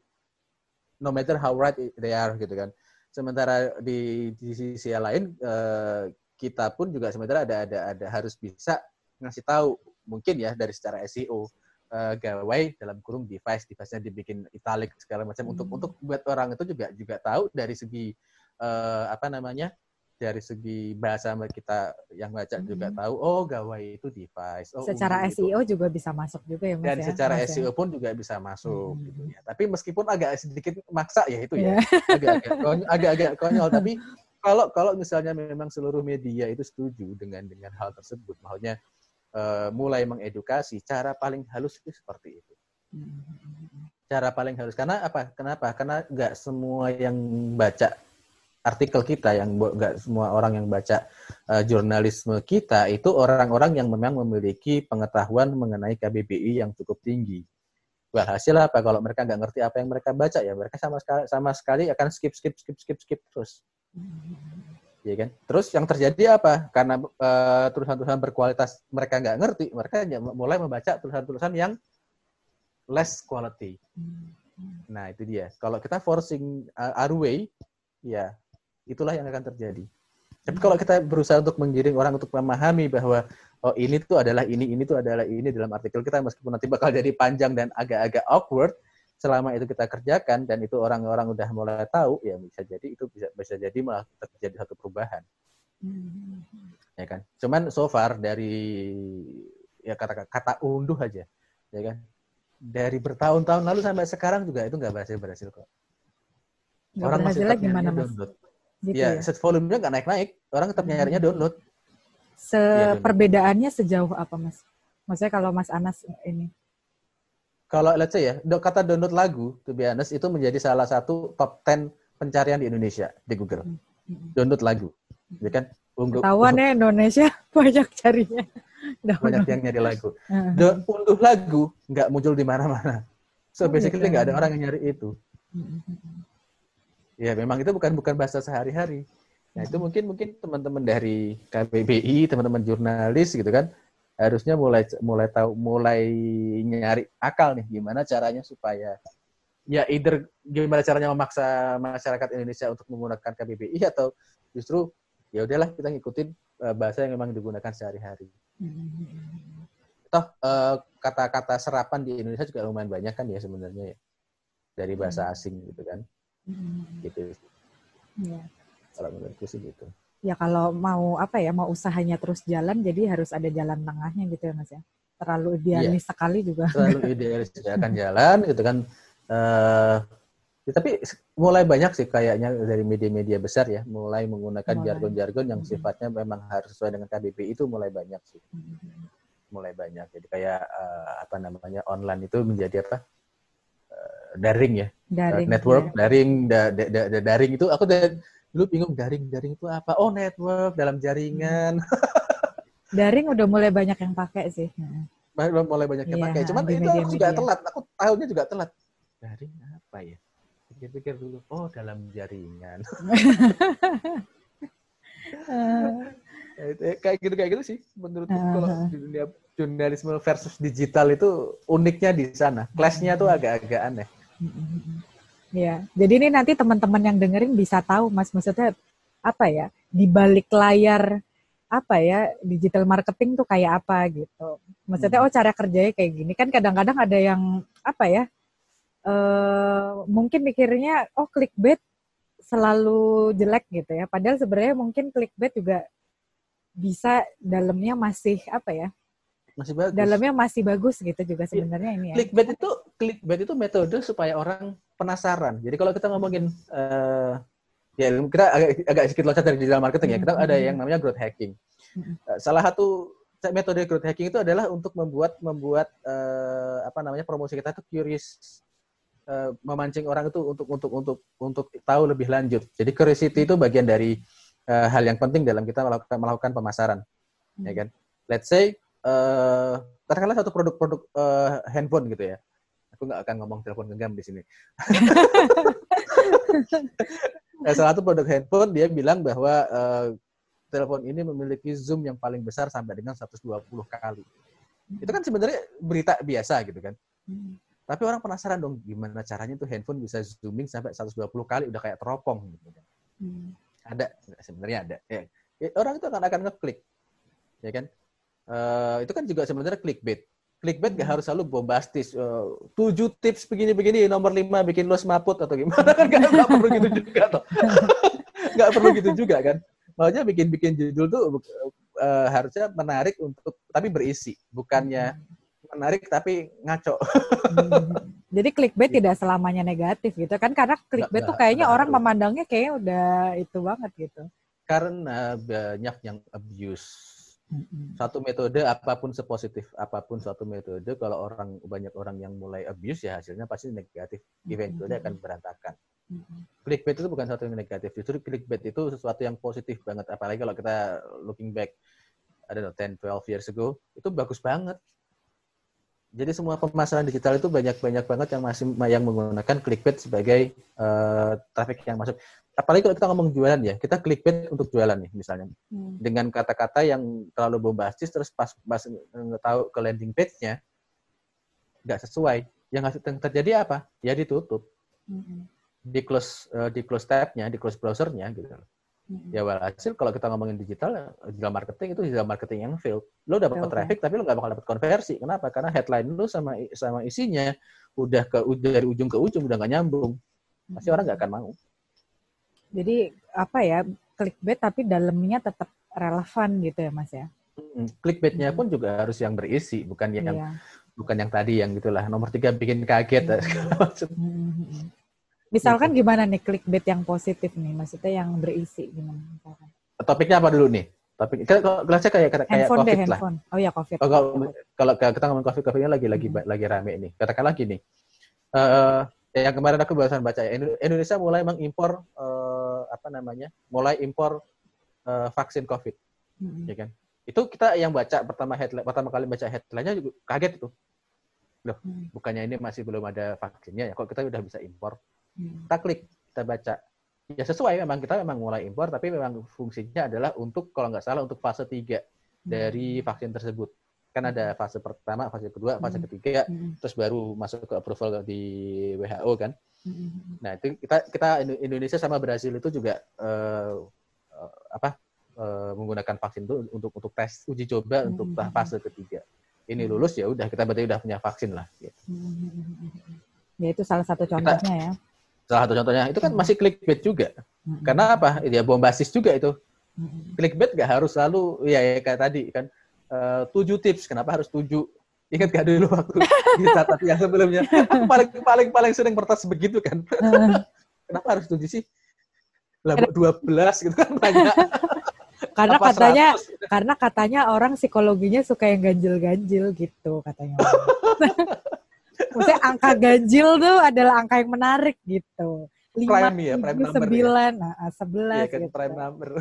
Jadi kenapa kenapa mungkin nanti yang teman-teman biasa baca artikel nih yang dengar kenapa angka-angkanya selalu ganjil tuh karena katanya secara psikologi ilmunya gitu katanya. Jadi anak-anak konten pasti biasanya menerapkan gitu sih.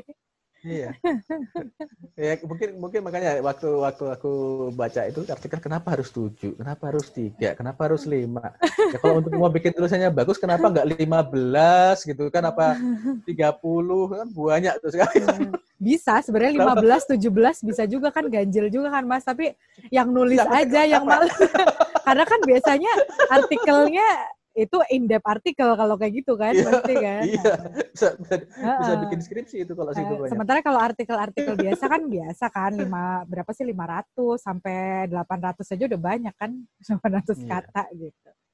Soal profesi di digital marketing nih mas kira-kira tuh hmm. uh, menjanjikan gak sih mas sebenarnya untuk apa ya untuk berprofesi di digital marketing sangat menjanjikan sekali. Karena uh, gini salah ada salah satu pakar pakar digital marketing juga itu pernah bicara hmm. pernah bilang gini. Pertumbuhan internet di Indonesia itu uh, tidak bisa tidak bertambah. Hmm. Ya, pengguna internet di Indonesia itu tidak bisa tidak tidak bertambah. Setiap hmm. tahun itu pasti bertambah, nggak mungkin berkurang. Hmm. Ya kan dari dari ya mungkin harga paket semakin murah, dari harga hmm apa namanya devices juga semakin murah segala macam ya kan jangkauan hmm. internet juga semakin lama semakin luas hasil pengguna internet semakin lama semakin banyak hmm. nah kalau kita kita ngomong digital marketing kan berhubungan dengan internet ya hmm. nah kalau kita kita sekarang ini sudah mulai fokus kepada dunia digital marketing itu ya itu saatnya sekarang ini ya kan jangan sampai uh, telat gitu loh hmm. Itu satu. Terus yang kedua, digital marketing juga bukan ilmu instan kita mencet tombol terus kelar, enggak. Hmm. Digital marketing kita juga harus tahu benar-benar uh, konsep di baliknya seperti apa, how it works, ya kan.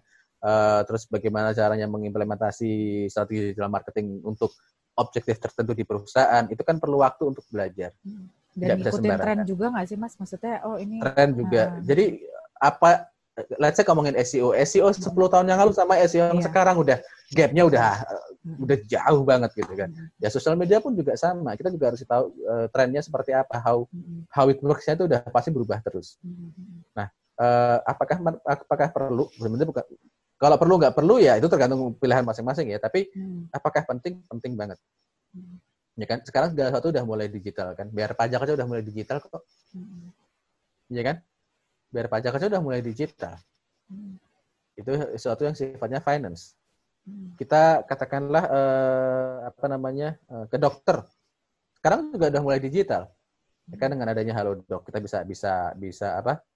Bisa curhat ke dokter, keluhannya apa, dapat resep, tembus ke apotek. Bener-bener nggak keluar dari kamar kalau perlu. Iya, iya, iya. ya kan? Nah, itu yang kita harus harus uh, berpikir bahwa digital marketing itu sekarang udah menjadi salah satu hal yang wajib untuk kita pelajari. Ya kan, apakah kita menjadi seorang praktisi? Ya silahkan. Nah, digital marketing itu praktisi ada dua jenis sebenarnya sih, Mbak. Mm. Satu adalah uh, generalis, dan Mm. satunya lagi spesialis. Generalis itu mau nggak mau dia harus mempelajari semuanya. Jadi dia harus uh, mempelajari sosial media, mempelajari SEO, mempelajari SEM, mempelajari programatik, dan segala macam. Ya kan, pertanyaannya adalah apakah mereka bisa jadi spesialis untuk empat-empatnya sekaligus? Menurutku sih enggak. Tapi mereka harus tahu konsepnya seperti apa dan membangun strategi di atas itu, Mm. ya kan? Eh, kalau yang misalnya lagi lebih ke spesialis. Jadi spesialis sosial media, ya kan spesialis eh, SEO, spesialis SEM itu masing-masing ada. Jadi mereka benar-benar in-depth mempelajari eh, apa namanya funnel, funnel tersebut. Jadi itu eh, karakteristik dari eh, praktisi di- digital marketing ada di situ.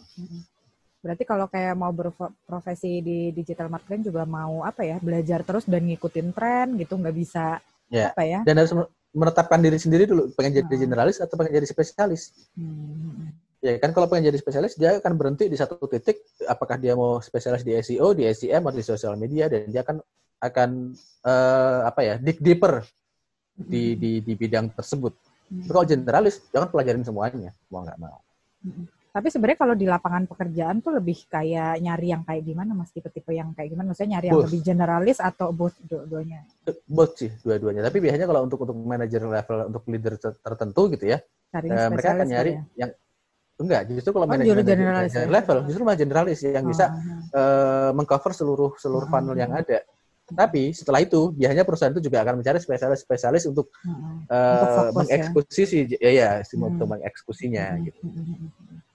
Terus nih buat teman-teman yang kepengen belajar digital marketing gitu ada rekomendasi nggak sih mas? Misalnya bisa buku, mungkin kalau uh, orang bisa belajar mungkin salah satunya ke Mas Anas nih yang udah sering ngisi apa talk show talk show juga gitu kan workshop workshop gitu. Tapi uh, selain itu ada nggak sih misalnya uh, mungkin temannya Mas Anas mungkin bisa ini juga gitu pakar atau buku yang dibaca atau mungkin kelas komunitas yang bisa diikutin mungkin Mas?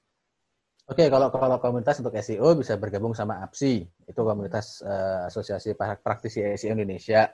Ya kan, kalau untuk sosial media sebenarnya eh, banyak banget ya praktisinya. Cuman aku nggak tahu komunitasnya karena aku bukan praktisi sos- Hmm. sosial media secara detail gitu ya. Hmm. Cuman ada beberapa nama yang mungkin teman-teman bisa, mungkin aku yakin juga cukup cukup cukup cukup tahu ya. Kayak let's say Hmm. Nico Julius gitu kan ya. Terus eh, Jonathan N, eh, terus eh, Aryo Dimas, banyak lah sebenarnya orang-orang orang di orang-orang sosial media yang famous dan mereka tuh jago lah dalam dalam apa namanya sosial media. Ya ikutin aja. Biasanya mereka juga sharing-sharing sesuatu yang sifatnya eh, yang berhubungan dengan industri tersebut. Nah kalau Hmm. untuk kalau untuk SEO sebenarnya juga banyak gitu kan. Mas Cuman orang Anas SEO gitu kan? orang SEO tuh jarang bersosial media masalahnya. Oh gitu ya. Karena kenapa? Karena kita kita person behind the screen. Ya misalkan nih orang kepengen gitu belajar kayak ke Mas Anas misalkan, itu Hmm. bisanya lewat gimana Mas? ya ikut komunitasnya aja. Kita ada di apps itu ada komunitasnya. Nah di situ Hmm. bisa belajar bareng bukan cuma sama saya, tapi juga sama seluruh praktisi yang ada eh, yang tergabung di situ. Dan itu orang-orang serem semua lah kalau kita, kalau kita ngomongin SEO. Itu orang-orang yang luar biasa semua yang ada di situ. Eh, terus kalau misalnya let's say ya eh, komunitas udah, terus next step-nya apa? Ya kan kalau kalau perlu nyari aja di Google. Ya kan? How to start uh, social media, ya kan? Marketing, how to how to start learning SEO banyak banyak banget kepanduan di Google yang bisa kita dapat gitu kan. Nah itu salah satu fungsi fungsi sosial apa SEO kan lebih ke informatif kan. Dan kita bisa bisa bisa mencari uh, topik yang kita ingin kita inginkan. Kalau misalnya kita follow follow satu akun Instagram, misalnya katakanlah aku rajin ngomongin tentang SEO di di sosial media aku gitu ya. Terus follow aku. Nggak berarti itu informasi atau pengetahuan yang yang sesuai dengan apa yang dibutuhkan saat itu oleh si si anak atau si orang yang ingin belajar. Kalau misalnya orang itu belajar, dia bisa langsung nyari ke Google, nyari informasi yang benar-benar dia butuhkan saat itu. Nah itu akan jauh lebih jauh lebih cepat. Nah, itu lebih honest. Many many years ago, aku ya mulanya begitu, googling apa yang aku, perlu tahu gitu. Googling yang aku perlu tahu, aku baca, ya kan, aku pahami, aku praktekkan, berhasil, aku baca lagi, ya, begitu terus. Ya, Kalau Mas Ana sendiri sekarang, belajarnya kayak gitu awalnya, Mas ya? Yes, di Indonesia waktu itu belum banyak yang ya boro-boro kayak kayak ruang guru terus apa pun lah itu kelas-kelas online yang sekarang hmm. banyak banget gitu ya. YouTube belum itu belum ada. Itu belum ada gitu kan. Ya boro-boro kita bisa tahu gimana caranya eksekusi sesuatu. Ya mau nggak mau ya googling oh, caranya SEO bekerja gimana ya. Oh begini begini begini. Coba dipraktekin. Oh bener gitu kan. Coba belajar yang yang lain. Oh bener gitu terus. Hmm. ya kan terus kemudian mulai dapat project ya kan internasional menang dan segala macam kayak gitu-gitu sih hmm. makin lama pengetahuan kita semakin bertambah tapi yang paling penting adalah kita harus punya passion itu yang menjadi modal utama mau gurunya orang terhebat di dunia gitu kan atau gurunya CEO-nya Google sendiri lah kalau dia nggak punya passion ya juga percuma hmm. orang passionnya nggak di situ kita mau memaksakan gimana kan nggak mungkin juga Iya. Oke, gitu. mudah-mudahan berguna buat pendengar podcast ya, Mas ya. Siap, siap. Nah, makasih banyak. Juga pengen, aku dari dulu pengen ya, kan aku sempat Mbak gimana sih Mbak caranya nulis gitu kan. Pengen bisa nulis gitu, pengen bisa nulis. Nah, coba aja Mas nulis, Mas nulis. Sampai sekarang juga belum. iya ya dulu ya, katanya Mas Anas iya, mau iya. nulis ya. Aku udah tungguin tulisannya mau dieditin, belum ada juga. Sibuk. Sekarang juga belum ya, kenapa? ya mungkin bukan passionnya di situ gitu jadi nggak pernah berusaha untuk meluangkan diri untuk menulis gitu. tapi ya kalau kalau kalau nulis sih uh, sebenarnya start awalnya nulis aja mas. Nulis apa yang di, ada di pikiran udah ada di gitu, kepala kayak, gitu ya? Iya cuma nulis aja dulu. Iya. Ya kan dulu sempet sempet ya dia diajarin tuh diajarin bikin dulu skeletonnya. Nah bikin baru mikir skeletonnya aja udah mikirin bikin skeletonnya gimana ya? Sebenarnya kalau step awal sebenarnya kalau step awal nulis nulis aja nulis oh, gitu apa ya? yang ada di pikiran. Biasanya kalau mikirin editingnya, terus harus oh kerangkanya gini, nggak jadi-jadi nanti. Itu ya, nanti kalau udah kalau udah happy, ya kalau udah happy nemu excitementnya baru nanti belajar lebih dalam gitu. Oh, sama gitu. ya, iya, sama ya, kayak ya, yang ya, tadi ya. dibilang Mas Anas kan. Iya sama sih, sama, sama sih. harus harus harus coba dulu. Iya iya. Oke, makasih banyak loh Mas Anas ya. Ini siap, aku siap. juga Ini sambil colongan belajar nih. Kapan-kapan nanti kita lanjut ngobrol-ngobrol lagi. Oke, okay, thank you Mas okay. Anas ya. Thank you, thank you. Yeah, thank you. Bye. Thank you, bye.